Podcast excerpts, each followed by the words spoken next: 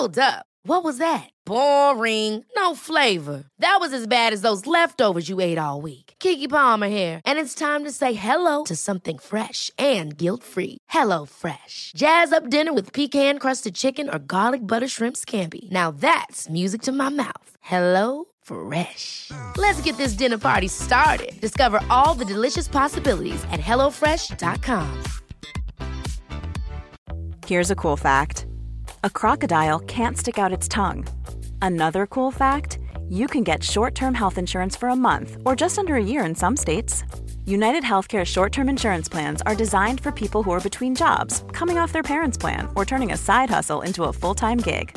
Underwritten by Golden Rule Insurance Company, they offer flexible, budget friendly coverage with access to a nationwide network of doctors and hospitals. Get more cool facts about United Healthcare short term plans at uh1.com. Quality sleep is essential. That's why the Sleep Number Smart Bed is designed for your ever evolving sleep needs. Need a bed that's firmer or softer on either side? Helps you sleep at a comfortable temperature? Sleep Number Smart Beds let you individualize your comfort so you sleep better together. JD Power ranks Sleep Number number 1 in customer satisfaction with mattresses purchased in-store. And now, save 50% on the Sleep Number limited edition Smart Bed for a limited time. For JD Power 2023 award information, visit jdpower.com/awards. Only at a Sleep Number store or sleepnumber.com.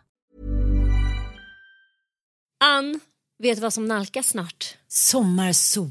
Och min berömda midsommarfest. Det är din älsklingstradition. Och vad passar då inte bättre än att vi denna vecka sponsras av Rusta? Jag drog iväg till Rusta och gjorde, du vet, den här episka inköpskavalkaden. Alltså de har så mycket bord, stolar. Dynlådor. Och det lampor. roligaste av allt. Ja, lampor, mattor. Skatglittret. allt. Gud vad man älskar det. För jag måste säga så här. Det spelar ingen roll hur fina möbler du har. Om du inte har lullullet, Mm. de fina ljusslingorna, ljusen, lyktorna, blommorna. Kuddarna, Nej, mattorna.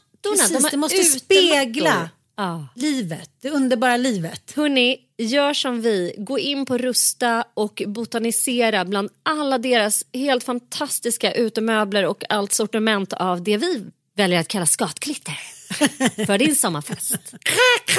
Tack Rusta för att ni sponsrar Inte din morsa. Tack, vi är så glada.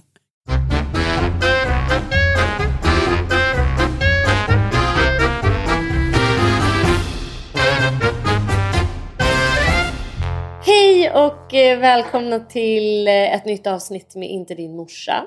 Hur mår du? Bra, hur mår du? Jag mår skitbra. Jag, är- jag är så här äh, i någon slags adrenalin-drive. Jag kommer ju precis från Sebestax. Jag har varit där på så här, äh, alltså gamla Kartellen-snubben. Han har precis startat en ny podd. Så jag har suttit med honom i nästan två timmar. Och eh, köttat på trauman. Du måste berätta vad den podden går ut på. Det är så jävla bra idé. Jag blir så Ja, irriterad så att inte jag kommit på den själv. ibland är det så här, the simplest of ideas. Man tror liksom att så här, men det här är för enkelt, där kommer folk... Men det blir så himla bra. Han har eh, startat en podd som heter Helt ärligt.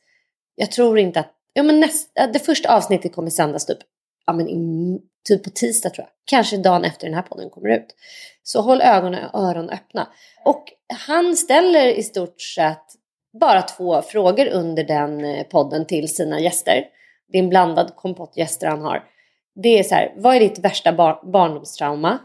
Ditt djupaste barndomstrauma? Och sen, vilken var den värsta dagen i ditt liv?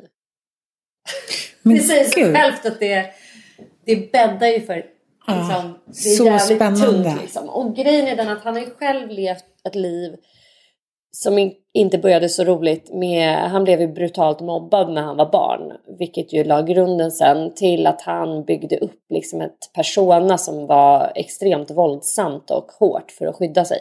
Och han har ju varit kriminell och knarkat och supit och ja, alltså verkligen inte levt ett bra liv om man säger så. Men nu är ju han helt omvänd.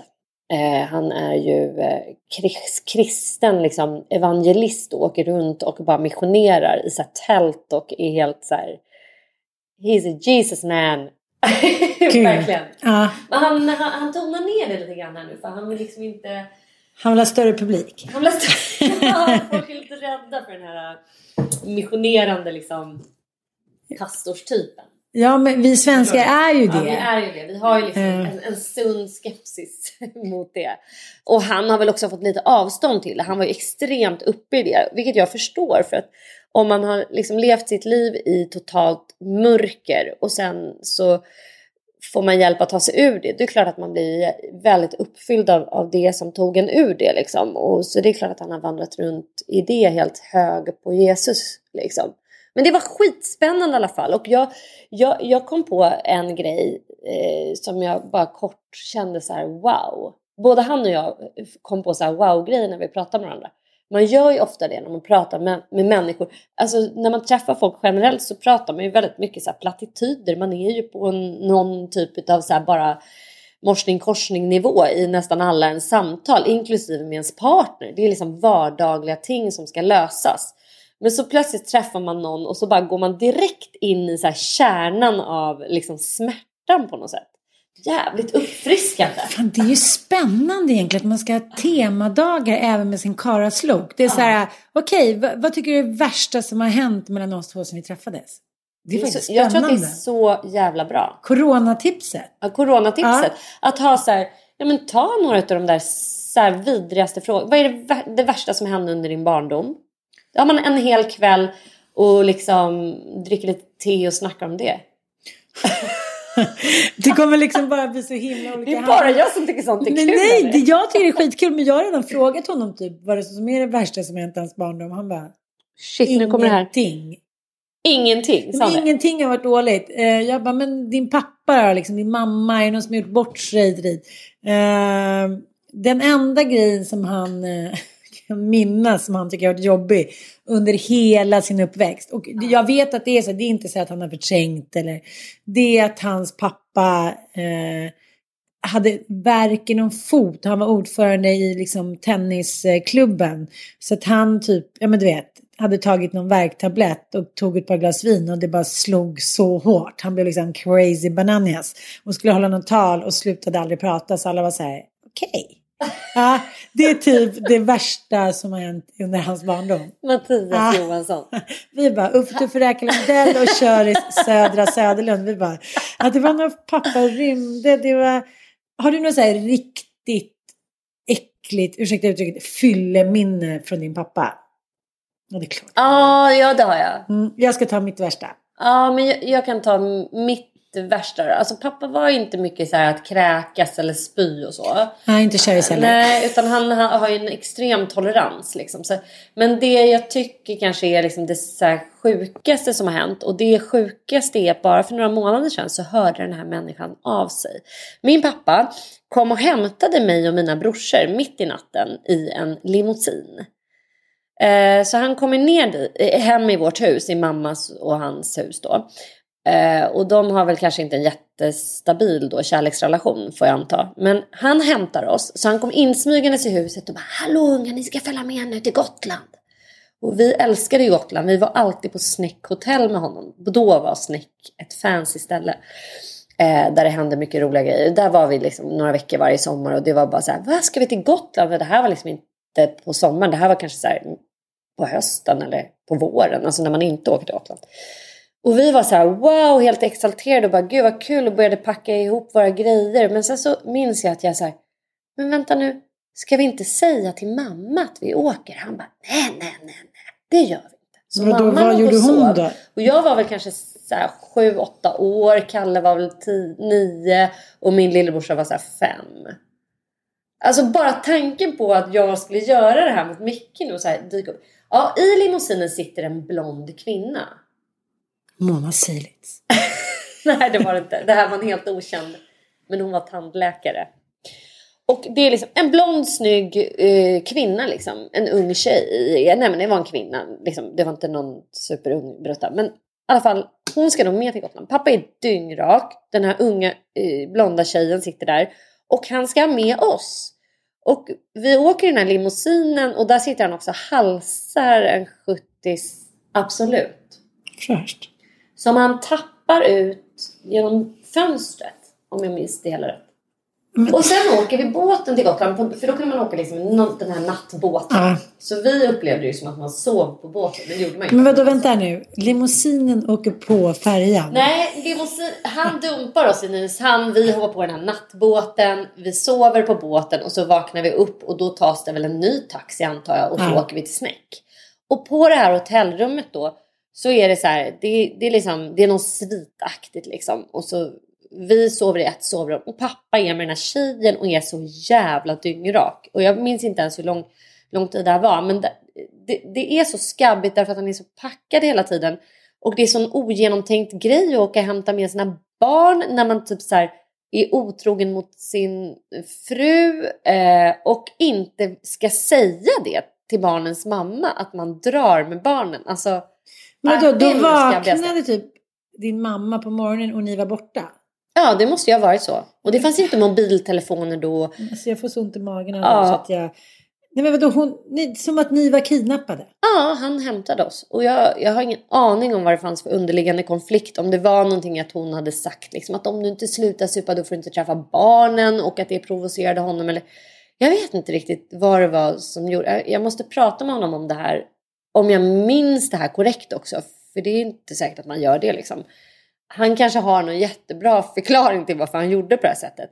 Men jag har aldrig fått ta del av den förklaringen. Så för mig är det precis lika obegripligt nu som det var då. Och det blir ju konstigare och konstigare ju äldre jag blir. Därför att jag inser hur jävla galet det är. Om jag skulle göra något motsvarande idag. Så här, glida upp i en limo med någon så här Du och jag i limo. Du och jag doppeldejt, så jag Ja, varsin limo. Och vi dy- sitter och halsar en pava liksom, absolut. Och åker och hämtar Igolo och Fox. Och ska åka till Gotland med dem utan att säga det. Är det är jättegalet. Ja, det var riktigt skabbigt tycker jag. Men du har aldrig pratat med din mamma om det? Jo, det här fanns ju med som ett så här verkligen helt galet barndoms... Så här, kommer du ihåg när pappa kom och tog oss till Gotland? Så här, vad sjukt. Hur, hur var, var vi med om det här egentligen? Eller är det en dröm? Liksom så. Då tar jag mitt värsta Gotlandsfilmminne då. Ja. Mm. Nej men jag kommer ihåg det så otroligt tydligt. Det blir också så här.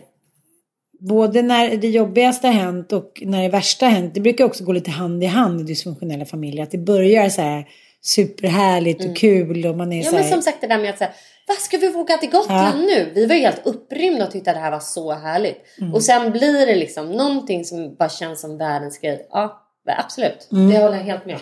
Och jag kommer ihåg, vi hade så här, mamma hade sytt klänningar till oss. Vi hade likadana klänningar. Hon hade liksom en vuxenversion. Och jag och syrran hade såna här, du vet, som man bara knöt med band. Och så var de liksom bara, ja men ner till knäna så här. Bara som en liten, ja men en fint liksom lagd tunika typ. Och de var så här, verkligen 70-talsfärg. Du vet den här riktigt, eh, inte, ja, mörkt bubbelgumsrosa. Och eh, liksom den här liksom lite bjärta turkosa. Mm, mm. Du vet, jag ser de här klänningarna, jag hade två tofsar. Eh, det var liksom, vi var så fina och vi gungade innan på vår gungställning och mamma tog en bild och där satt vi. Och, det, var, ja, men, det, det var verkligen, det var någon känsla också när, när mamma hade sytt klänningen själv. Det var inte som idag att det skulle vara så här, Amish, då gjorde ju alla det. Det var så här, en omsorgskänsla när mamma hade sytt klänningar så hade hon likadan version själv fast liksom vuxen. Så var vi på bröllop och eh, pappas chef, den legendariska sportchefen Thomas Malmqvist skulle gifta sig med en bisse. På något ställe, någon hyrd liksom, gård ute i Huddinge där de bodde. Och då kom ju liksom hela tidningseliten och Björn Borg. Och, ja, men det var ju liksom livets glada afton. Det här var ju liksom tidigt 80-tal. Och det krökades liksom så hårt att eh, nej men det ballade ju direkt. De låste in sig, typ ett gäng gubbar i någon, liksom, något extra hus där. Låste och bara söp i flera dagar. Och där var vi så här, jaha, he, vad ska vi ta vägen då? Vi skulle ju åka till Gotland dagen efter, firat semester och sådär. Men liksom, vadå, skulle vi ha stormat byggnaden? Skulle vi ha så här, ringt polisen eller brandkåren och bara, det sitter ett gäng fyllegubbar inne, kan ni komma och öppna upp? Så vi liksom fick åka hem till Bisse och Thomas och sova där en natt och två nätter tills pappa liksom behagade komma ut och nyktra till. Och då satte vi oss på färjan och lilla huset som vi hade hyrt liksom. Jag, jag kommer ihåg Det, är, det, det du säger nu, det, det som är obehagligt med det och det, det där har jag varit med om också några gånger under min barndom. Det är när det är flera alkisar Ja. gaddar ihop sig och det kan ju gärna hända på typ en kräftskiva. Och när det råkar vara alldeles för många som har alkoholproblem. Som, och då blir ju det liksom normaliteten. Jag vet. De får styra festen och Ja. partyt. Vilket då slutar ju med så bizarra upplevelser. Ja, Eftersom man är minoritet. Precis. De normala Ja. är i minoritet. Och de så här, knasbollarna är Ja. i majoritet. Och, Och så- aldrig blir så obehagligt och läskigt som då faktiskt. Och så tycker jag det är så obehagligt med, med liksom den typen av... Eh, det var ju liksom en helt annan acceptans mot det här då. Det var lite så här... Mammorna fick sitta och ta liksom en cigg och eh, typ vänta ut de här liksom suputerna. Men, men det, liksom, det var lite så det var. Mm. Jag tänker också det när jag läser Marta Tikkanens eh, nya... nya Du har liksom lagt händerna på den. Ja, jag köpte den. Jag vart ju helt besatt. Och den fanns inte i så här, eh, digitalt recensionsex. Nej, men jag kommer läsa ut den snabbt älskling. Om inte du bara ska Snabbare på. springa iväg och köpa Ja, jag men, men jag måste skri, heter den. Mm. Mm, den, den. Det är hon som eh, för någon eh, korrespondens med eh, författaren Birgitta Stenberg och Åsa Moberg. Och hur de liksom pratar om sina män då. De börjar faxa till varandra efter ett tag. Och liksom, hon skriver om Henrik då som var en av Finlands största kulturpersonligheter. Han var tecknare och författare. Hur han liksom helt aningslöst bara skriver om sina älskarinnor, om familjen, om sina barn, om sina föräldrar. Hur han super och liksom han går till jourer. Alltså, och där sitter de och bara får haka på. Alltså bara, de, hon måste åka hem tider för massa liksom jobb för att han har super ner så inte kan ta hand om barnen. Du vet, jag, jag får sån stresspåslag hur, liksom, hur kvinnor har och haft det och hur accepterat det har egentligen varit fram till nu. Mm. Att leva i det där och bara så här, ta hand om stora jävla bebisgubbar som är packade 24-7 Mm. och bara gör galna grejer. Till slut så, och jag bara känner igen mig så himla mycket. Nu blir det här typ djävulspodden. Men, men just det här att man ska liksom hitta på åtgärder för att man ändå ska kunna vara en familj. Mm, för att det ändå ska kunna bli lite trevligt. Ja. När man ändå är då är borta på tre dagars bröllop Mm. och då har man så här fuckat upp och sitter i någon stuga så ska frugorna ändå så här försöka. Ja men jag har också en sån där sjuk. Jag, ska ta den sen men det, det är också så här med någon liten kvinna då som är så här. Barn vill ha. Jag har gjort en spagetti och köttfärssås i alla fall. Man bara mitt i så här fyllekaoset så är det någon som har så här ställt sig och försökt göra någon liten modern. Alltså, Vad härligt vi ska ha Ja, det. vad mysigt! Och titta på lite barnprogram och äta spagetti och Ja, men det är köttfärssås normaliseringsprocessen. Ja, men Ja. Kom du ihåg det där? Kom du ihåg att jag hyrde typ ett fett lyxhus ute i Norrtälje? Men jag var, det här var Där inför jag och min mitt tid. ex skulle vara, de med barnen. Så att han skulle kunna komma iväg någon dag i veckan. Det var inte så att jag skulle hyra ett litet torp där han kunde sitta och typ jazztobacka. Nej! Det här var liksom alltså ett totalrenoverat gammal liksom, bagargård. Med typ det lyxigaste badrummet och lyxigaste så här, För han ville också ha det väldigt fräscht. Ja, det- precis. Han ville inte ha så torrdass och så. Nej, det skulle vara fräschör. Liksom. Hur jag tyckte så här, men då ordnar vi det och så blir det bra för honom. Så här galenskapsgrejer. Det kostade mig så här 10 papp i månaden att hyra det stället i Norrtälje. Och det tyckte jag var så här... Rimligt. Ja, rimligt för att det skulle ha lite fräschör. Han behövde komma iväg Och på landet. jazztillverkarens Glada. Härning. Hur som helst, förra eh, avsnittet så pratade vi lite om, uh, dels om man så här mitt i livet så vill man så här, tänker man sig, var det verkligen värt det? Var det så här jag skulle leva? Och det är någonting som jag tycker många kompisar till mig återkommer till liksom under så här coronakrisen att så här, till slut när man blir isolerad så börjar man tänka så här, var det det här jag ville göra? Var det så jag skulle leva? För att helt plötsligt så ställs ju massa alternativ mot varandra. För man kanske inte har samma jobb, eh, relationen frestas. Ja, men- men Det är klart att man börjar så omvärdera och tänka sig det kommer inte bli som förut och hit och dit. Och då fick vi en massa roliga DM om det och eh, en kvinna hade, eh, en kvinna, en tjej hade berättat eh, för oss att hennes man hade dött. På tre veckor hade hon fått reda på, eller de hade fått reda på, konstateras att han hade en hjärntumör och sen hade han dött inom hennes förlopp tar tre veckor. Och då efter något år eh, när hon hade varit liksom i chock och depression eh, så hade hon eh, unnat sig själv som hon sa en tantrakurs. Just det. Där hade hon träffat en man, eh, hon skrev till mig efteråt, jag ska berätta, eh, som hon har blivit jättekär i. Mm. Så skrev hon också så här till mig eh, efter hon hade hört, eh, vad heter det, eh, avsnittet så här, ja, det där var ju liksom den lättaste övningen, att man skulle sitta och massera varandras hår. Titta man djupt i övning, ögonen. Sen var det väldigt många eh, övningar som inte var så himla eh, lätta att göra. Men de, de kan jag berätta om en annan gång. Men vi har ju en eh, kompis, en bekant som heter Fia Garner. Yes, eller har hon inte döpt om sig till Fia Agå? Men Fia Garner Agå. Okej. Ja, heter hon faktiskt. Mm. Och, Men för eh, vi blev ju så sjukt nyfikna på tantra. Ja. Och tantra är ju liksom... Eh, det har ju kommit och gått kan man säga. Jag vet ju att min morsas polare höll på med tantra. Det var så här, kom in, det är en form av yogisk, hinduisk eh, tradition liksom som syftar till eh, liksom att uppnå högre medvetande. Men ofta med sexuella inslag då. När man googlar då på tantraställningar som jag gjorde nu. Eh, då, då kommer det upp så här 14 olika ställningar. Kvinna på toppen, droppen, strykjärnet, kvinnan ligger på magen med raka ben och höfterna något höjda.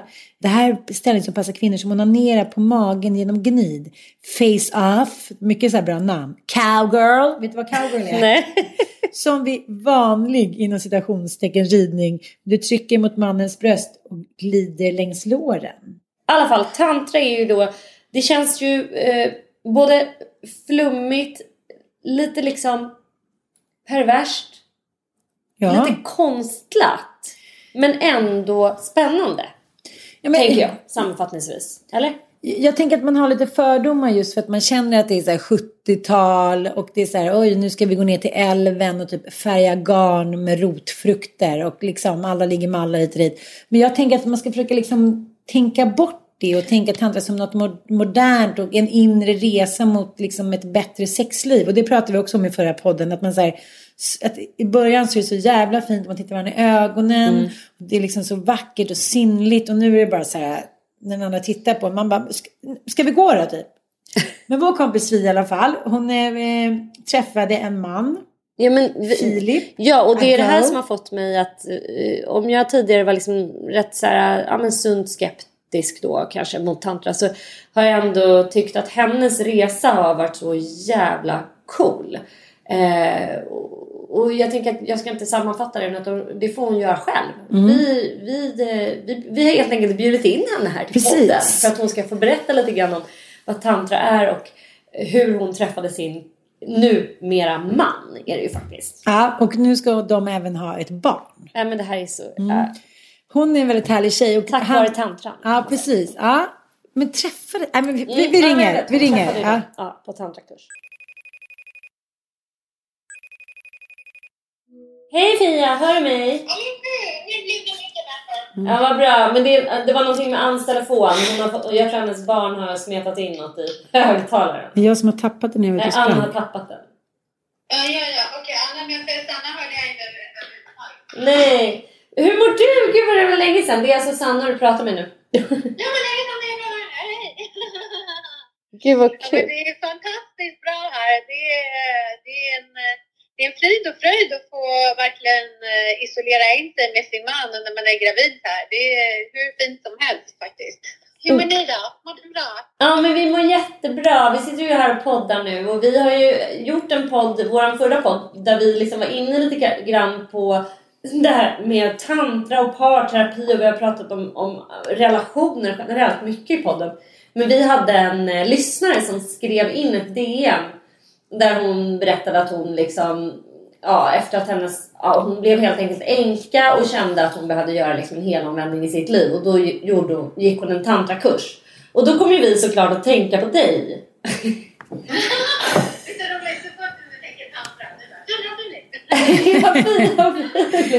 Ja, men vi tänker att du ändå, eftersom du har så mångårig erfarenhet av yoga och av liksom inte bara har gått en tantrakurs utan verkligen har liksom djup kunskap kan man väl ändå säga om om vad tantra är. Att du kan få förklara det lite grann för oss och eh, de som lyssnar. Och, och, kan vi inte börja någonstans med att du berättar varför du själv eh, var, varför du själv blev intresserad av tantra? Eh, jag hade varit singel ganska länge. Jag var ihop med en kille som var otrogen och eh, jag tänkte för mig själv att nej, men om jag ska bli ihop med någon nästa gång så ska det här liksom inte få hända igen. Att eh, man kommer så pass långt ifrån varandra att man inte kan uttrycka sig eh, och känna liksom den tryggheten att man kan kommunicera att man kanske inte trivs med den man är med. Så jag var singel väldigt länge och gick djupare ner i min yoga som jag redan haft, hade haft med mig i några år. Och yogan är ju så fantastiskt eh, ja, det är ett sånt fantastiskt system för det går ju ut på att lära känna en själv, hur man tar till sig världen och hur man skickar ut sin inre värld till den yttre världen.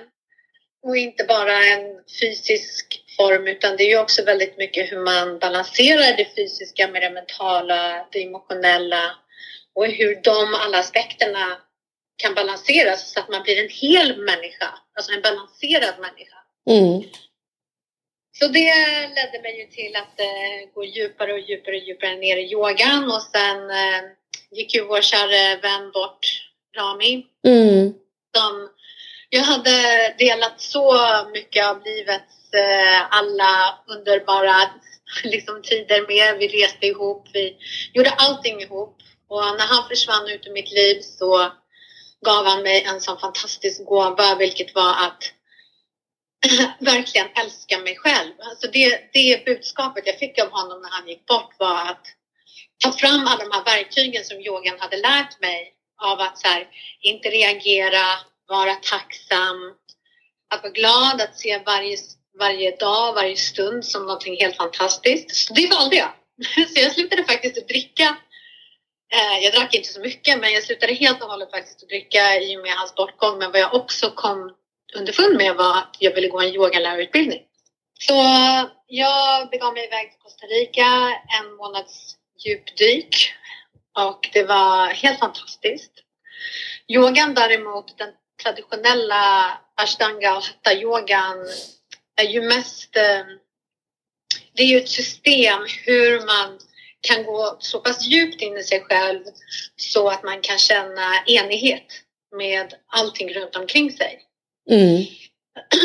Och eh, när jag kom ut ifrån den fantastiska utbildningen eh, så var det fortfarande några frågor som jag inte hade fått svar på.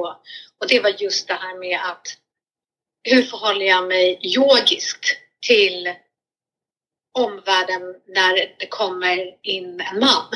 alltså mm. en flört. Eh, hur förhåller jag mig till sex?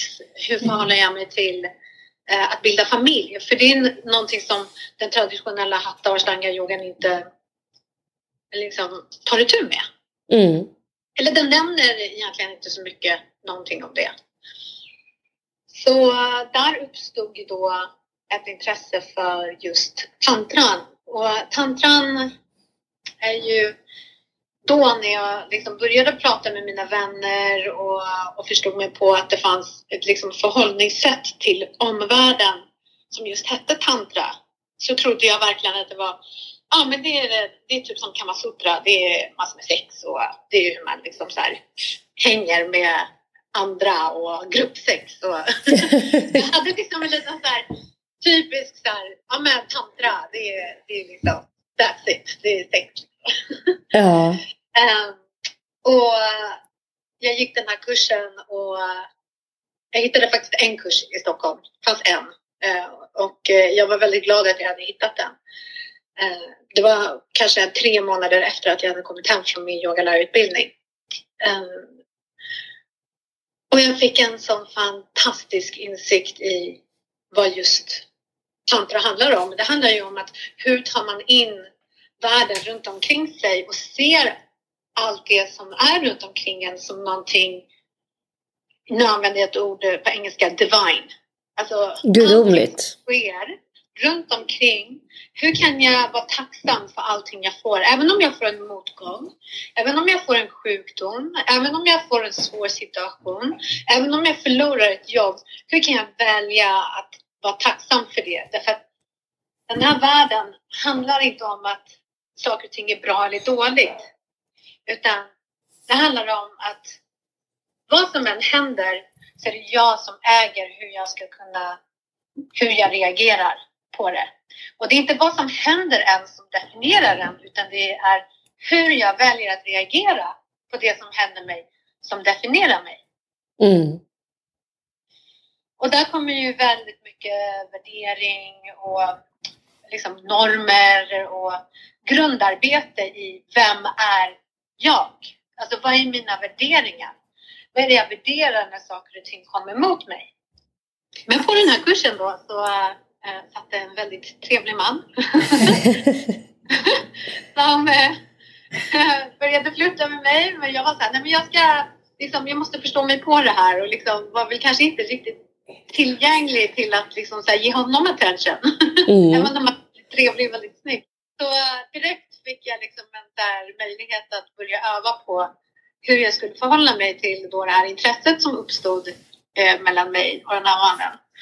Eh, och det är ju en eh, story nu som vi är gravida och gifta och...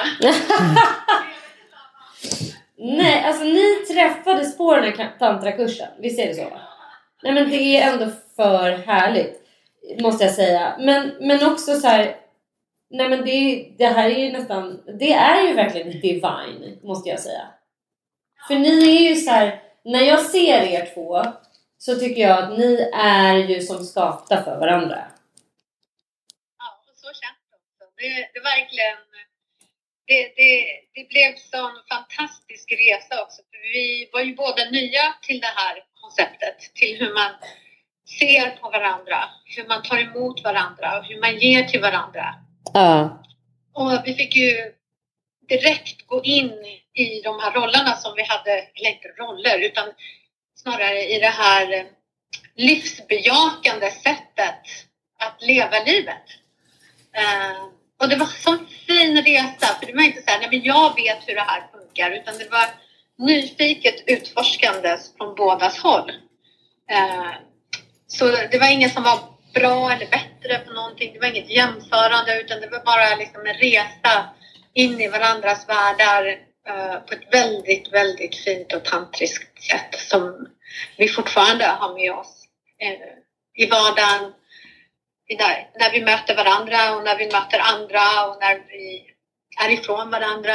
Det är verktyg vi har med oss för hela livet. Det har liksom blivit en del av vårt DNA så att säga. Alltså nu kände ju inte ni varandra innan, så, men har du liksom känt att du har ramlat tillbaks i gamla hjulspår eller vad jag ska säga? Eller liksom, är det lätt att hålla den här tantriska inställningen till honom och till andra människor och till relationer generellt? Lika länge som vi har övat på att ta del av de här mönstren som har skapat oss, de mönstren som kanske inte gynnar oss, mm. som har blivit eh, liksom en del utav oss eh, på grund av att vi har plockat upp det från vår omgivning.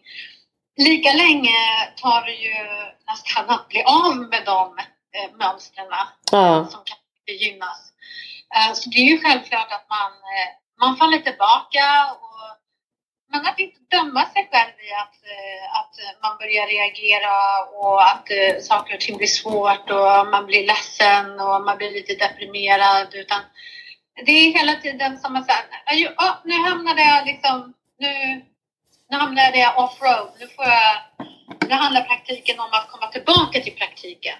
Mm. Och att inte döma sig själv för att man faller, faller av. Nej, precis. Uh, och, det, och det gör vi ju titt som tätt. Och, och mycket av uh, det arbetet vi gör handlar ju om att äga sitt eget liv. Att mm. äga sig själv. Och att inte behöva få bekräftelse av någon annan för att, eller hjälp från någon annan att behöva ta sig tillbaka utan allting kommer ner till liksom personligt ansvar. Att jag ansvarar för mitt eget välmående. Mm. det, det låter ju väldigt mycket som det som jag och Ann har ägnat oss åt i, i djävulsdansen och i vår, vad ska man säga, inte kamp, men i, i vår resa från medberoende. Att liksom ta tag i, att bli sin egen bästa vårdnadshavare brukar vi säga. Att, eh, Ja, faktiskt. exakt. Ja. Precis.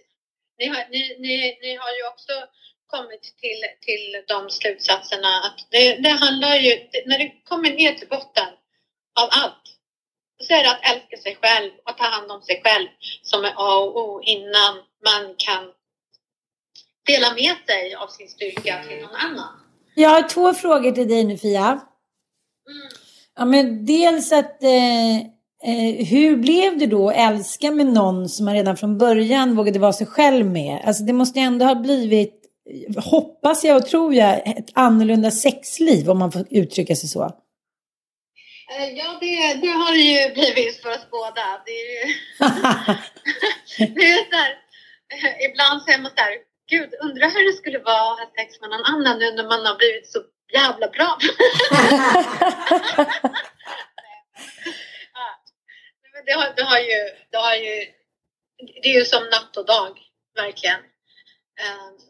Vad är de stora skillnaderna tycker jag? Om du liksom kan sammanfatta det här på något sätt. Så att vi kan förstå vad tantra gör för sexlivet. Så vi kan testa. Jättebra fråga och det som jag skulle nog sätta på toppen av allt det är att eh, man blir mer sensitive. Att göra kroppen, sinnet, eh, sina emotioner, allting eh, Eh, som kommer mot en att stanna upp och verkligen vara i närvaro och vara i kontakt med sig själv och med den andra, med sin partner. Eh, och att få njuta av allt som finns att erbjuda. Både av att ge och att ta. Eh, att inte ha några förväntningar eller några förhoppningar utan här är vi i nuet och bara njuter av att få bara vara här.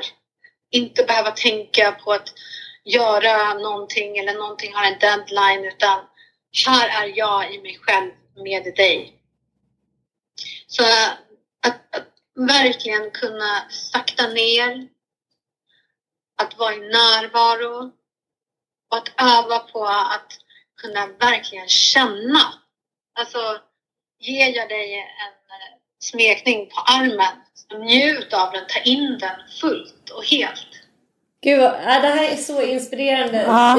Fia, vi, vi ska avrunda det. Tack så jättemycket för att du var med oss här och berättade lite om, om tantra. Jag, det här ger mig och jag tror nästan alla som lyssnar en, en lite annan bild av det och kanske kommer ge det en eh, chans. För jag tycker det här låter helt fantastiskt. Puss och kram, ha det bra! Hej. Hej då! Gud vad jag älskar att livet innehåller så mycket eh, härlig skap liksom. Att, Mm. att man kan sitta med Sebastian Staxet och, pr- och prata om, om barndomstrauman och bli helt uppfylld av det och sen bara det är liksom andra människor som går före och testar grejer som små testpiloter och sen så kan man gå efter och bara det här verkar ändå vara en väldigt lyckad eh, lyckad grej. Ja. med Tantra. Men otroligt. Ja, men nu ska jag vara lite djävulens advokat. Men det som hände var att de var ju båda redan liksom hade slagit in på den här linjen. Om du och Mm. jag och Micke och Matti skulle gå på en tantra sexhelg liksom. Så kanske det skulle vara Så kanske det skulle vara lite liksom längre in till själva Jag, tantrakärnan. jag tror också att, ja för att jag, alltså herregud. Jag minns ju, Mickey spelar in Sex Education tillsammans med Gillian Anderson. Mm. Och hon håller på jättemycket med yoga. Och Gillian bara, men gud vad sjukt. Min yogalärare som jag jobbade med, eh, som jag hade som private yoga teacher i LA. James tror jag han hette. Han har helt plötsligt hamnat i Sverige av någon anledning. Mhm. Och han behöver jobb. Kan inte ni liksom ha någon som private yoga? Hon tror väl att alla är liksom Ah, lika rika som hon. Liksom. Ja. Så att man kan ha en private yoga teacher boende hos sig typ. Eh, Jaha. Ja, men vi bara, jo men det kunde ju vara kul. Och Micke var så här, fan det är ju rätt roligt. Han har då varit private yoga teacher till Red Hot Chili Peppers, private yoga teacher till Gillian Anderson, åkt runt på turnéer och bara så här, är någon slags kändisguru. Så vi tyckte det där var skitkul. Så vi bjöd hem honom. Eh, för en private yoga session. Jaha. Och köpte mattor och Micke var väldigt liksom inspired där och tyckte det här var skitbra. Och så bjöd vi med Mickes kompis Stefan Arnell. Ja, ja. Vet du vem han är? Ja, jag vet vem det är. Han är en enkel man, väldigt rolig och väldigt härlig. Men han är ju verkligen en, så här, en enkel man eh, bosatt i Tumba som eh, driver Stockholms städgross. Och han tränar väldigt mycket thaiboxning. Han har ADHD. Och Blonda Stefan. Blonda. Ja. Och eh, det, det var så jävla kul när James drog igång sin yogasession. Det var bara ni Det tre. tog, och Linda, Stefans det, tjej. ja. Jag skojar inte, men det tog kanske fem minuter. Sen gick Stefan. Han blev förbannad. Nej. Han, han klarade inte av att vara i samma position i så många andetag. Det väckte liksom aggressivitet hos honom. Han mådde dåligt, Mm. rent psykiskt, av att tvingas befinna sig i en position. Och att Ja. det gick så långsamt. Han klarar inte av Han det. klarade inte av det. Och det kan jag säga, det kanske inte riktigt Mickes grej heller. Nej. Det var för långsamt. Mm. Det här med att liksom inte, när man har en rastlöshet i sig, eh, man har en diagnos, man vet ska hända Ja. grejer och så bara ska du stå och andas i sex djupa andetag i någon position. Men det är ju den här rastlösheten. Men tänker om man bara lyckas bemästra den. Vilken helt ny värld. Jo, men det är då-. Och det är samma sak med Ja. sexet. Det Ja. är inte så här att man bara... Jag kan själv känna att jag absolut inte har någon så inner peace direkt. Utan det är också en liten grej som man ska avklara. Och sen kanske barnen kommer in. Det skulle vara så jävla härligt att så här, knulla med lite inner peace. Ja, jävligt härligt. Men jag tänker det som jag tycker också var härligt för att jag, det är också att vi har fått någon sjuk idé om att vi i, itutade sen tidningen Fridas, no offense Ann, så här, ah, om man har en bra relation då knullar man två gånger i veckan. Och Ah. liksom alla de här bisarra liksom, idéerna om vad en lyckad relation är, hur mycket sex det idkas i den relationen och eh, liksom så här. Och, och det handlar ju egentligen inte om det. Eh, Liksom, ingen relation kan ju bara tuffa på med sitt tre gånger i veckan sex for life. Alltså det dyker ju upp grejer i livet. Barn föds, man får bröstcancer, någon, någons mamma dör, man tappar sexlusten totalt. Det är ju som de säger, det är ju liksom det här inliga mötet att man faktiskt ser varandra och liksom att en, en smekning på armen kan vara precis lika liksom sensationell och viktig som ett fullbordat samlag. Liksom, tänker jag. Ja, men lite som när man hånglar i början. Man bara, Ja, jaha. bara, det kanske är så Det hade räckt. Än, ja, men det är Ja. så, ja. Vi, måste, vi ska sätta oss in. Jag, jag Ja. känner det. Jag tycker det är Kan vi inte gå en kurs? Att, här, ja, fan om vi skulle göra det. Vi kollar upp en kurs. En tantrakurs. Ja. Det var jättespännande. Bara för att lära sig liksom mer om... Okej, men då är det vår utmaning då. Ja, det blir... Ja, Ja, nu ska vi boka en tantra... Men, En tantrakurs. ja, det är inte så här, jag tänker att man kan sätta att att sexet inom parentes. Du och jag skulle kunna gå en tantrakurs. Bara för, liksom, ja, testa det. För att testa och se... Ja, men verkligen så här, undersöka hela, hela formen. Ever catch yourself eating the same flavorless dinner three days in a row? Dreaming of something better? Well, HelloFresh is your guilt-free dream come true, baby. It's me, Kiki Palmer. Let's wake up those taste buds with hot, juicy pecan-crusted chicken or garlic butter shrimp scampi. Mm. Hello Fresh. Stop dreaming of all the delicious possibilities and dig in at HelloFresh.com. Let's get this dinner party started. Quality sleep is essential. That's why the Sleep Number Smart Bed is designed for your ever evolving sleep needs. Need a bed that's firmer or softer on either side? Helps you sleep at a comfortable temperature? Sleep Number Smart Beds let you individualize your comfort so you sleep better together. JD Power ranks Sleep Number number 1 in customer satisfaction with mattresses purchased in-store. And now, save 50% on the Sleep Number limited edition Smart Bed for a limited time. For JD Power 2023 award information, visit jdpower.com/awards. Only at a Sleep Number store or sleepnumber.com. Hey, it's Ryan Reynolds, and I'm here with Keith, co star of my upcoming film, If, only in theaters, May 17th. Do you want to tell people the big news? All right, I'll do it. Sign up now and you'll get unlimited for $15 a month in six months of Paramount Plus Essential Plan on us. Mintmobile.com slash switch. Upfront payment of $45 equivalent to $15 per month. Unlimited over 40 gigabytes per month. Face lower speeds. Videos at 480p. Active Mint customers by 531.24 get six months of Paramount Plus Essential Plan. Auto renews after six months. Offer ends May 31st, 2024. Separate Paramount Plus registration required. Terms and conditions apply if rated PG. There's never been a faster or easier way to start your weight loss journey than with PlushCare. PlushCare accepts most insurance plans and gives you online access to board-certified physicians who can prescribe FDA-approved weight loss medications like Wigovi and Zepbound for those who qualify. Take charge of your health and speak with a board-certified physician about a weight loss plan that's right for you. Get started today at plushcare.com slash weight loss. That's plushcare.com slash weight loss. plushcare.com slash weight loss. Ja men du, jag har gjort en liten spaning här. Mm, hela Della Q är ju en podd som jag slaviskt har följt. Eh, jag vet inte, jag har inga bra liksom, analyser på varför jag tycker att den här podden eh, har varit så himla uppfriskande och bra. Mer än att jag, eh, jag tycker att det är uppfriskande att tre unga kvinnor är så jävla intelligenta, snabba och roliga.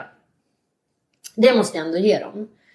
Och ärliga. Och ärliga. Och det, det har gjort den här podden klart lyssningsvärd. Sen har de ju varit kontroversiella och gjort det till en grej att eh, vara kärringen motvalls. För att dels få press och dels få lyssning. Och det verkar ju vara, det är en spaning jag har i alla fall. En del av det här lite yngre gardet som ger sig in i poddlandskapet. Att de skapar lyssning genom att eh, hamna i kontroverser med varandra. Jag pratar om haveristerna som ju älskar att kritisera våra stora influencers. Eh, alltså poddar som kritiserar, eh, kritiskt granskar och sen mejlar andra influencers eller andra poddare. Lite skolgårdsfeeling, minst sagt. Jag tänker på poddar som Haveristerna, Gott Snack och Della Q. Och Daddy Issues. Det är väl de fyra, så här, ska man säga, så här, stora it-poddarna för tillfället. Eh, med liksom en yngre, eh, yngre publik och yngre programledare helt enkelt. Än vi. Då då. Det är det unga gardet, de som Ja. kommer. Men de, they, they don't give a fuck. Även, don't give a fuck. även om det inte blir kanske alltid så lyckad Nej, utgång. och de har liksom lite grann ritat om kartan för eh, hur man får bete sig mot varandra. Det är extrem eh, skolgårdsfeeling. Eh, vilket man ju har sett liksom, på internet i, i rätt många år nu. Liksom att så här, what happens on internet stays on internet. Och där kan man liksom eh, ja, skriva ner varandra i kommentarsfälten och bete sig som, ja, som små jävla skolungar i en sandlåda. Ja, på den nivån. Det är inte så farligt för det är typ bara på internet. Men Della Q har i alla fall splittrats och Anna Björklund som är Della Qs liksom matriark kan man väl säga. Eh, hon har ju gått bananjas som någon slags så här, ormkvinna. Vad heter den här guden, den hinduiska guden? Liksom, att hon har bara så här, förvandlat sitt väldigt uppstyrda och eh, tycker jag alltid väldigt så här, genomtänkta an- ansikte till att bli eh, en så här, galen valkyria som bara så här, Mm, hon, är, hon är dödligt sårad. Hon är så dödligt det, liksom, sårad. det rinner hon- blod ur hennes sår. Ja, och det, och det är då på grund utav att Moa Wallin, hennes poddkollega, inte vill fortsätta podden. Och i alla andra så samarbeten där den ena inte vill fortsätta så har vi aldrig sett något liknande utspel. Nej. Och märk väl att de här tre kvinnorna då, får man väl ändå lov att säga, tjejorna, kvinnorna, de var inte goda vänner innan de startade Della Q. De hade liksom arbetsmässiga relationer. Alla tre är ju eh, alltså, journalister slash liksom, eh, åsiktsmakare. Och har varit Men Bianca, de var väl inte ens, kände de ens Bianca Maja? Nej, hon blev liksom inbjuden till det här projektet och eh, ja, de synkade väl de här tre personerna. Och Anna och Moa Wallin, då, Moa Wallin, de är ju kända från Tankesmedjan i P3. Och, och känner väl varandra lite briefly därifrån. Men det är ju inte så att de är bästisar och har någon person. Om du och jag, vilket har hänt, Ja. skulle sluta podda. Om du sa till mig så här, nej jag vet inte om jag vill fortsätta den här podden. Jag skulle inte bli liksom personligt sårad av det. Men hennes skäl här var ju också att hon inte liksom tyckte att- det var värt, att hon inte orkade längre. Hon orkar, det var, så Det här, var jag ganska vet, sa så här- kontroversiellt såklart. Nej men hon sa så här, jag vet inte om jag tycker att vi har material som Mm. gör att det håller för ett år till, tyckte Moa Wallin. Och eh, Anna var så här, jo men det tycker jag. Och sen åts det tydligen någon Easy lunch. cash, typ. Ja, easy cash. Och så ändrade Moa sig. Men sen nu här då för ett par veckor sedan så sa Moa finally nej. Vilket ledde till att Anna får ett, ett sånt jävla utbrott så att hon outar Moas graviditet på eh, Instagram. Den är liksom ett så jävla osens, två så här, Jättegalen. det är faktiskt jävligt galet. Men det är väldigt Ta osens. bort då bilden. Alltså, så jag, Ja. det, det händer ju att Men människor... samtidigt så är det ju så jävla smart. Ja. För att helt plötsligt så är det massa människor som inte ens har lyssnat på Della Q som vill göra det och som vill veta allt om det. Så att så här, poddar som Haveristerna som då har ägnat ett helt avsnitt åt att så här, äh, naila Della Q. De, folk bara så här, blev galna och dundrar in på Patreon, betalar massa pengar för att kunna lyssna på det här gamla avsnittet som Haveristerna har gjort. Så de får skitmycket lyssning. Gott Snack bjuder in Bianca Meijer för att låta henne ge sin version av varför hon hoppade av Della Q. De får as mycket lyssning. Hela den här soppan som Anna Björklund har ställt till med är ju ändå helt genial. För att liksom, de lyckas ju ändå skapa sån jävla dragningskraft. För att människor älskar drama. Vi älskar det här så här. Jag får inte vara med och då får inte du vara med och då ska inte jag... Tänker ju så här. Det, det här liksom sårade lilla barnet. Att känns väldigt liksom- mycket 90-tal tycker jag. Jättemycket Alltså, så här- 80-tal. Jag vet Så inte, här, skilda Debattsoffor. Ja, det är liksom något annat klimat. Det är inte så systerligt. Det är inte liksom... Allt är me okej. Det är bara så här... Det är inte så professionellt. Nej, det är det inte. Och jag tycker att det kan vara ganska befriande. Jag tycker det är skit. De är så extremt oprofessionella. Jag tycker det är ashärligt. Mm. För så fort man hamnar i en kontrovers själv, då är det så här, vi ligger lågt. Inte Eh, utåt, nej, vi på Visa inte att du är sårad. Så här, vi ska inte ge dem det. Så tänker jag så här, vad fan ska man inte ge dem det egentligen för? Mm. Man är ju liksom in i märgen sårad. Ändå ska man spela som att man är den coola katten på typ hett plåttak. Jag tycker att det här är befriande för det är ju så här man vill bete sig. De man bara- är så här, de går- stucken i ryggen. Man är så här, Helt emotionellt drivna. det som Anna gjorde, att hon, hon outade den här graviditeten för att hon ville hämnas på ett gammalt klassiskt grekiskt dramasätt. Jag kan inte förklara. Det var så här, det är en treaktsopera nu och det ska så här, men det ska förgöras. Mm. Och sen så kom det ju fram då att, eh, att hon visst hade skrivit, att Moa visst hade skrivit då att hon kanske ville sluta och skickat Mm. det smset. Så, så då började hon svara och sen så Bianca, nej men alltså det är ju för härligt. Det är för fan, det är som, som du säger en gammal, det är ju Falcon Crest, googla, Mm. Ni som inte vet. Det är ju liksom på en 80-talsnivå. Mm. Det är liksom smink, alltså, all, de har ju alla attributen för en 80-talssåpa. Verkligen. Stora hår, smink, alltså tjejer. Alltså det, Som det, hugger varandra i ryggen. Ja, det är en catfight. Verkligen. Joan Collins. Ja, John Big Collins, Collins Nej, Jag ringde. tycker att det har varit uppfriskande och jag tycker det är skittråkigt att deras podd har lagt ner. För jag tycker det var, det, det var, det var liksom en timme av, eh, ja, det var alltid intressant lyssning faktiskt. Det är lite grann som att se, jag, hade, jag satt och gjorde en här liten tillbakablick på vilka poddar, eller vilka bloggar jag läste när jag själv började blogga. Som, var, som fick mig att fatta beslutet att börja blogga. Lyssna på de här guldkornen till bloggar som fanns då. Mia Skäringer bloggade på tidningen Mamma. Den bloggen, alltså den nivån hon höll, den klassen hon höll på sitt bloggeri. Det finns inte motsvarande blogg idag. Herregud. Ja, det var liksom, den var helt, den var helt fantastisk. Det var som att så här, varje dag så bara sögs man in där och så var det bara så här. Och hon skrev mycket och långa inlägg och det var inga jävla bilder utan det var bara hennes så här briljanta jävla eh, liksom texter som vi bara fick till oss helt gratis på nätet. Mm. Sen hade vi Linna Johansson. Just Skribent och författare. Och hon startade ju då hon en träningsblogg med fokus på träning men också väldigt mycket om psykisk ohälsa och föräldraskap och så här. Helt jävla fantastisk blogg. Sen hade vi såklart Alex Schulmans. Ja. Charlie Schulman, jag är Charlie, Charlie Schulmans pappa. Så Ja. den var ju helt, alltså den var ju också bara helt unikt jävla bra. Mm. De höll som, och sen hade vi Pluras blogg, Svart blogg. Nej, det är borta. Det är borta. För sen det började det alla blogga och då, då Ja. var det inte coolt för kulturen att blogga längre. Nej, och, nu, och det blev eh, väldigt eh, kommersialiserat alltihopa.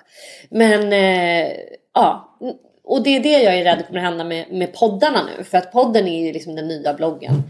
Eh, man, man livnär sig och skapar innehåll av väldigt mycket så person, personliga berättelser och, och ja, livet liksom. Eh, det är det som är innehållet. Det var ju innehållet i Della Q också. Och personliga konflikter och interventioner och annat. Jo, Smaskigt. precis. Men det, det, det var ju det vi pratade om också. Att de eh, gör ju en, en sorts intervention med Bianca om hennes... Eh, ja. Ja, de, de, de ser att Bianca, så här är ju Della Q, ni som inte har lyssnat på Della Q, det är ju en samtidspodd förstås. De pratar ju om väldigt mycket så här dualiteter. men de pratar ju också väldigt mycket om sig själva och varandra.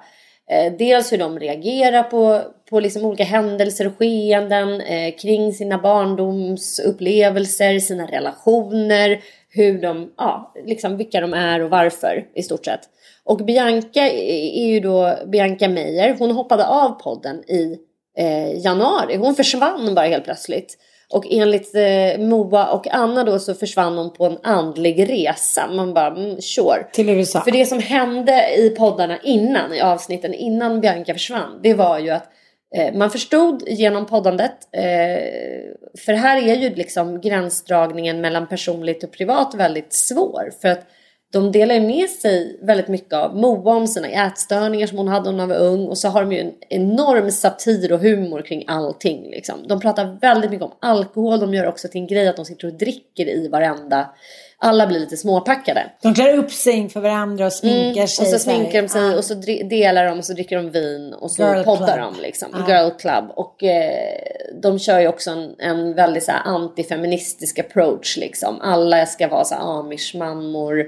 Eh, kvinnor är som kvinnor ja, är. barnen Kvinnor ska är inte gå på från förskola Ja, Venus och män är från Mars. Och det är liksom mycket så här. Ja, så här var det ju att de gjorde ju en intervention med Bianca. Och det här är ju de lite extremt kritiserade eh, för och det har skrivits spaltmeter om det här och det är liksom old news. Men jag kan inte låta bli, för jag var så här, har jag missat det avsnittet? Vad är det för jävla intervention? Och jag har inte missat ett enda avsnitt, men det måste jag ha gjort. Men sen börjar jag förstå vilket avsnitt det är och det är när Anna och Moa och det här är liksom så här att folk är chockade över det här, det kan jag inte förstå. För om man har lyssnat på Della Qs alla avsnitt så handlar det väldigt mycket om ätstörningar, om bantning, om... Eh, De liksom- misslyckas med sin bantning. de misslyckas med sin bantning. Moa har haft kraftiga ätstörningar som tonåring. Eh, och Bianca är väldigt öppen med att hon har lidit av psykisk ohälsa i hela sitt liv som kommer och går och hon gör olika utredningar. Hon går i jungiansk terapi och hon eh, börjar gå på AA-möten och slutar dricka och då dricker inte hon med dem i podden och sen plötsligt tar hon ett återfall. Så vi får ju följa det här vecka för vecka. Eh, och sen i en podd när hon då har varit nykter eh, och börjar gå på tolvstegsmöten så tycker ändå Bianca och Moa att så här, men det är ändå är inte du väldigt, väldigt smal nu? Mm. Säger de till henne. På ett kärleksfullt sätt. Som jag eh, som lyssnar i alla fall upplever. Och Bianca är såhär, ja, hon, hon, är Hon blir ju helt nej. stekt. Alltså hon blir- hon blir så stressad lite så. Hon blir så jävla stressad och samtidigt fattar inte jag riktigt varför hon blir stressad. För att de, hon har ju varit helt öppen. Hon har ju varit, haft helt öppna kort i podden om sin psykiska ohälsa, om sin ångest, om sina dryckesproblem och att hon har liksom, det är svajigt. Men är det inte just så- den grejen Mm, ska fast man jag, inte jag ta. tänker att de går över den heliga alliansen, att de blir två mot en. Ja, och att hon själv inte får äga sin historia plötsligt i podden. Mm, Precis, utan Det de det. påpekar och berättar för henne hur det är, vilket hon själv har sagt med egna ord. Men då tar Mm. de liksom hennes makt ifrån henne och då blir det liksom, Definitionsmakten. ja, då börjar det liksom... Mm. Det är klart. ja, Och det kan jag ju säga så här, det, det är för att skapa innehåll förstås. Mm. Men jag tror inte att de gör det av det skälet utan jag tror bara att de glömmer bort liksom, att de sitter i en poddstudio och så tror jag att de har börjat lära känna varandra under alla de här veckorna de har poddat. Och de ser hur hon mår sämre och sämre. Eh, och Ja, på något sätt. För jag, jag, upplevde, det- jag upplevde det inte som stötande när jag lyssnade på det. Och när jag gick tillbaka nu och lyssnade så upplevde jag inte igen som stötande. Men jag kan förstå det ur hennes point of view. Men å andra sidan, Anna Björklund hävdar ju att, eh, att Bianca hade möjlighet att få det där bortklippt. Men att hon avböjde. Att hon tyckte det kunde vara med. Jag Men, men jag tänker att har man så otroligt högt i tak som de har så blir man ju också så här, jag tror att man, man, man blir lite lurad av en känsla av att så här, vad man än, hur man än gör så är de andra okej med det. Mm. Och så helt plötsligt så var de inte det och då var det helt andra spelregler. Då var det liksom två mot en och då var så här, det som bantning, att dricka trots att man mamma. Alla de här liksom reglerna som de tillsammans hade så här satt på agendan. Nu var en regel, nu var inte det okej längre. Har du inte själv varit med om det här någon gång? Att liksom två av dina kompisar så här, vi har tänkt på en grej. Så Jo, här, så här. jo, Det har jag gjort en gång i mitt liv Ja. och det har liksom satt djupa spår. Det är helt har- vedervärdigt. Har du, tycker inte att det har lett dig någonstans då? Att aldrig göra så själv. Ja, men inte, det var aldrig så att du så här, För att jag kan säga att de gångerna när någon har då intervenerat mig. Eh, så jag har tyckt att det har varit helt vidrigt. Men det har ändå fått mig att tänka till kring varför de här två personerna faktiskt säger det här till mig just nu. Mm, mm, jo, det är sant. Jo, men, jag, jag, För jag tycker inte att de gör det på ett elakt sätt. Det är inte så att de lämnar henne så här. Nej, men jag tror Eh. att det handlar om att det blir... Allt ska vara okej. Och så var det helt plötsligt någonting som inte var det. Jag tror att det är Mm. det som chockar henne. Att så här, hon skulle kunna, men de, de berättar om hur hon inte ätit någonting och därför är helt ofokuserad på deras livepoddar. Mm. Och då tänker väl hon så här, vi har, liksom att de har försvarat varandras beteende, typ sisters in arms. Det spelar Mm. ingen roll om man är full eller liksom, alla tabun är redan brutna och helt plötsligt så är det någonting som är tabu. Mm. Och då blir det liksom, Men framförallt som Ja. sagt det de har blivit kritiserade för. Så här, ska man verkligen göra innehåll på det? Ska man, ska man verkligen spela in det på en podd? Trycker man inte på paus då? Om jag känner att du har så här, spårat ur här i din föräldraroll eller om jag tycker att du lever på något dys- dysfunktionellt sätt. Det är inte så att jag tycker att vi ska ta det i podden. Det kanske man kan prata om sen. Det är ju så här tänker jag med kriser och väldigt jobbiga upplevelser och det är ju det Bianca hela tiden gör i Della Q. Hon berättar om sina svårigheter men hon gör det efteråt. Eh, inte när hon är mitt i det liksom. nej. För att man kan inte beskriva någonting som är akut. Om hon sitter och liksom har börjat utveckla en ätstörning så har inte hon... Hon har liksom inget narrativ för det. Nej, men det är Så, det jag menar. det, hon är inte klar. Hon är inte, hon är inte klar. Hon är mitt uppe i någonting jävligt jobbigt. Så det är klart att hon inte kan liksom ge svar på tal när någon konfronterar med det på Jag skulle sätt. nog bara börja skratta om du helt plötsligt mitt i podden skulle bara säga Tänkte snacka med dig. Såg dig med Bobban och Frasse. Det var inte fräscht. Jag skulle bara säga Jaha, Fast det hade ju varit en annan grej om vi hade varit tre. Ja, det hade varit. Förstår du? Om Anita hade suttit här och båda vi hade så pratat ihop oss Ja. och så ska vi konfrontera det här. Nej, nej vi, får, Nej. vi, vi, vi, får vän, vi får liksom sålla oss till skaran att det var risigt gjort. Nu ska vi eh, eh, prata lite om vår samarbetspartner. Det ska vi! Vi har en ny samarbetspartner. Confornet.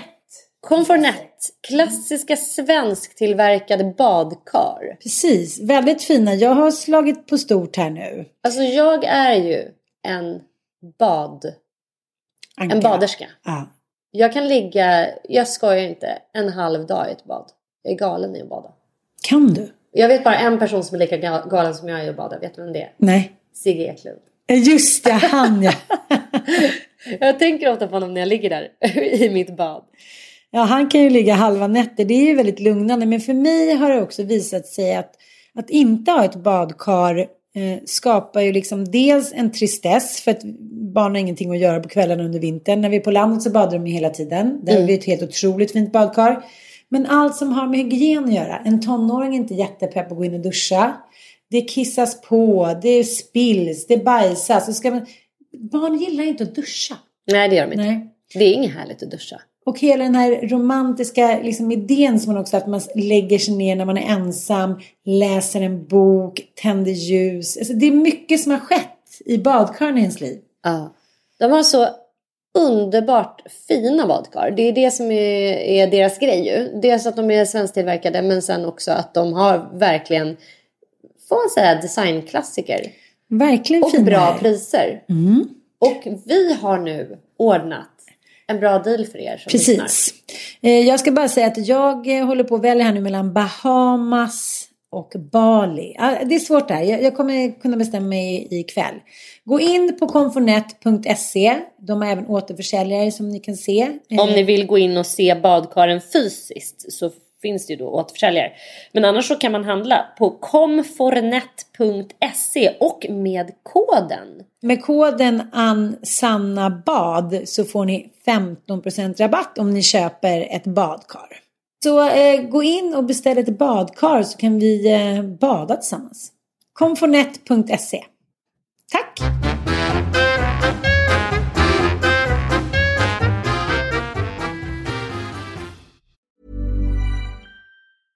Ever catch yourself eating the same flavorless dinner three days in a row? Dreaming of something better? Well, HelloFresh is your guilt-free dream come true, baby. It's me, Kiki Palmer. Let's wake up those taste buds with hot, juicy pecan-crusted chicken or garlic butter shrimp scampi. Mm. Hello Fresh. Stop dreaming of all the delicious possibilities and dig in at HelloFresh.com. Let's get this dinner party started.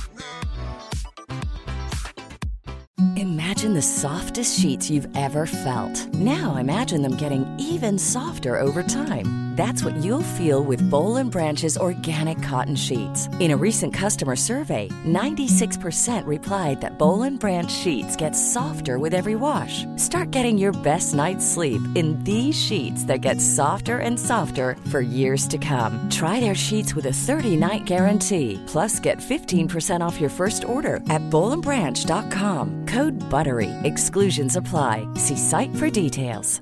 Hi, I'm Daniel, founder of Pretty Litter. Did you know cats tend to hide symptoms of sickness and pain? I learned this the hard way after losing my cat, Gingy. So I created Pretty Litter, a health monitoring litter that helps detect early signs of illness by changing colors, saving you money and potentially your cat's life. Pretty Litter is veterinarian developed, and it's the easiest way to keep tabs on your fur baby's health right at home. Go to prettylitter.com and use code ACAST for 20% off your first order and a free cat toy. Terms and conditions apply. See site for details.